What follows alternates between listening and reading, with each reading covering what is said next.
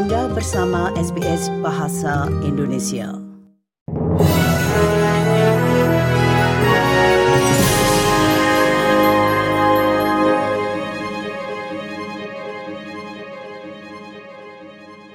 Berita selengkapnya.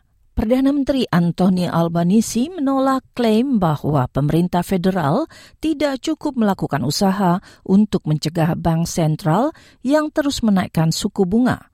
Hal ini muncul dalam pengumuman kemarin yang dikeluarkan oleh Board RBA di mana mereka akan menghentikan kenaikan suku bunga pada tingkat 4,1 persen tanpa menjamin akan adanya kenaikan lagi pada masa depan. Namun, Albanese berbicara kepada Channel 7. Ekonomi dipengaruhi oleh berbagai faktor luar, sehingga pemerintah tidak memiliki kontrol. Namun, Australia masih berada dalam posisi yang lebih baik daripada kebanyakan negara lain. Uh, we have had global inflation. Uh, has been had a real impact here as it has around the world. Our interest rates are still uh, lower, of course, than they are in Europe and the United States, uh, even uh, across the ditch. And uh, that's why uh, we are working each and every day. We, we do have record jobs growth, we do have an increased surplus, and we do have lower inflation.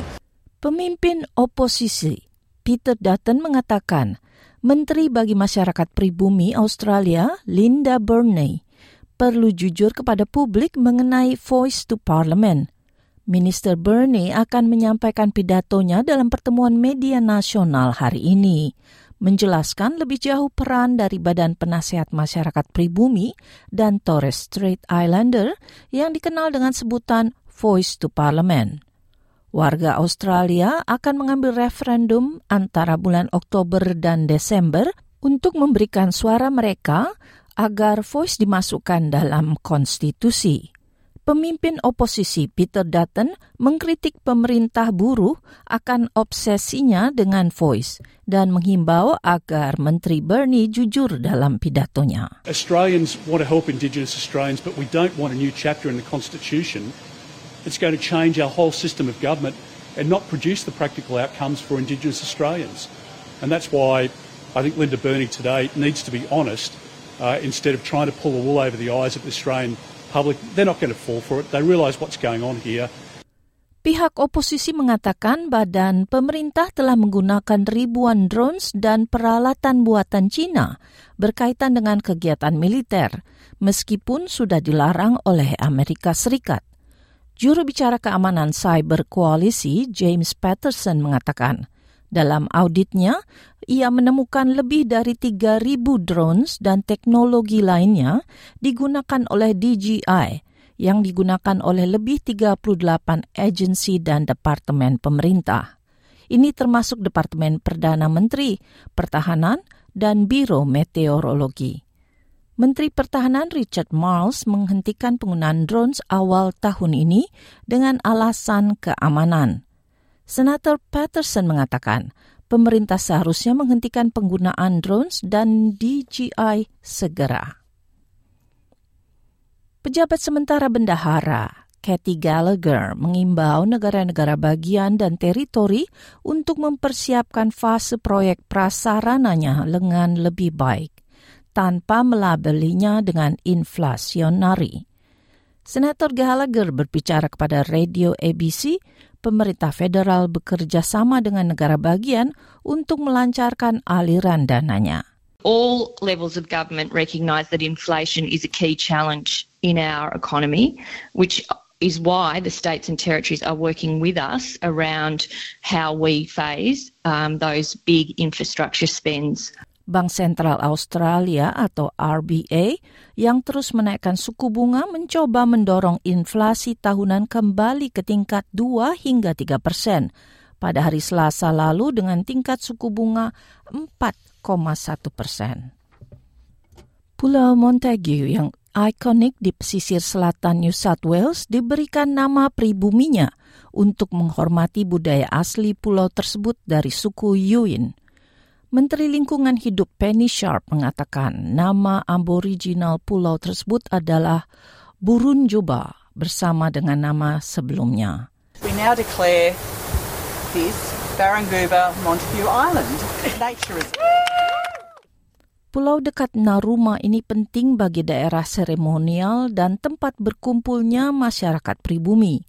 Juga merupakan habitat beberapa burung laut, termasuk burung yang terancam punah, burung laut gold.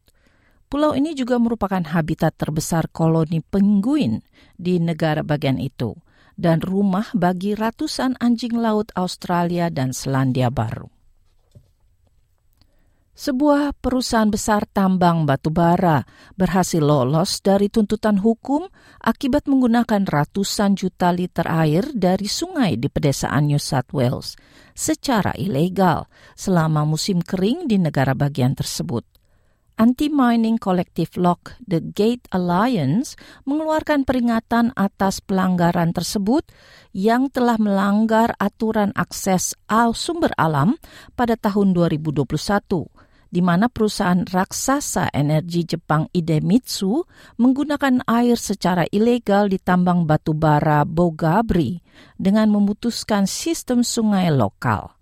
Pengambil keputusan mengkonfirmasi pelanggaran yang dilakukan oleh Idemitsu tersebut, namun menolak untuk melakukan tuntutan hukum dengan mengatakan negosiasi telah dilakukan dengan perusahaan tersebut.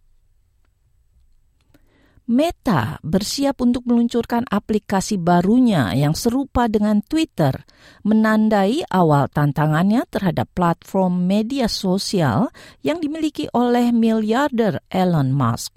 Aplikasi yang dinamakan Threads ini sudah muncul di Apple's App Store, menandai debutnya pada hari Kamis ini, tanggal 6 Juli aplikasi yang berdasarkan percakapan teks yang terhubung dengan Instagram.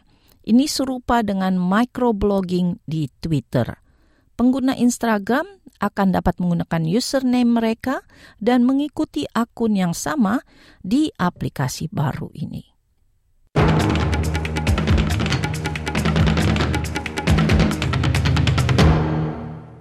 Baiklah saudara pendengar, kita beralih ke bidang olahraga.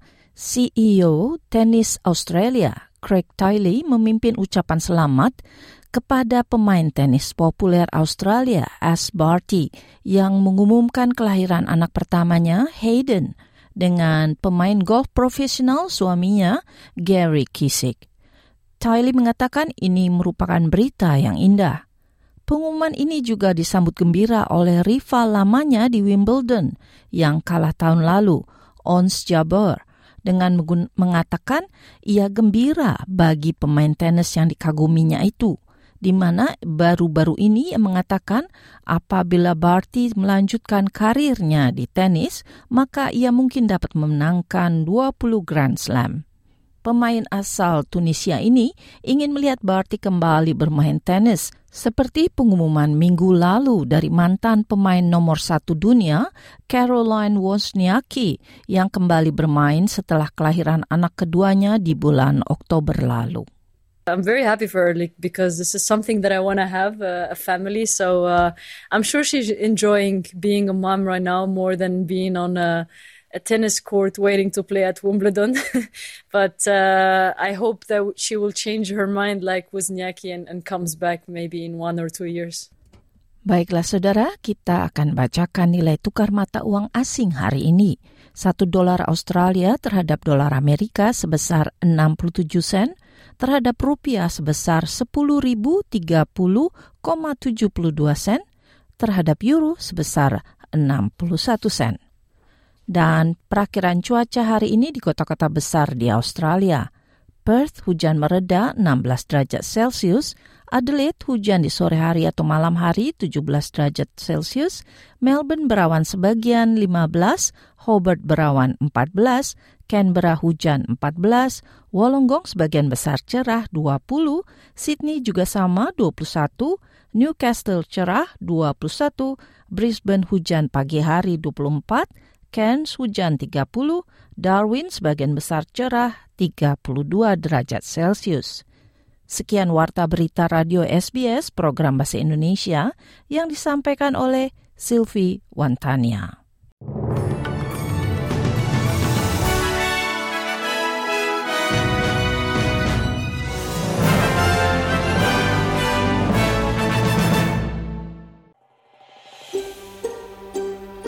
Sukai, berbagi, komentar. Ikuti SBS program Bahasa Indonesia di Facebook.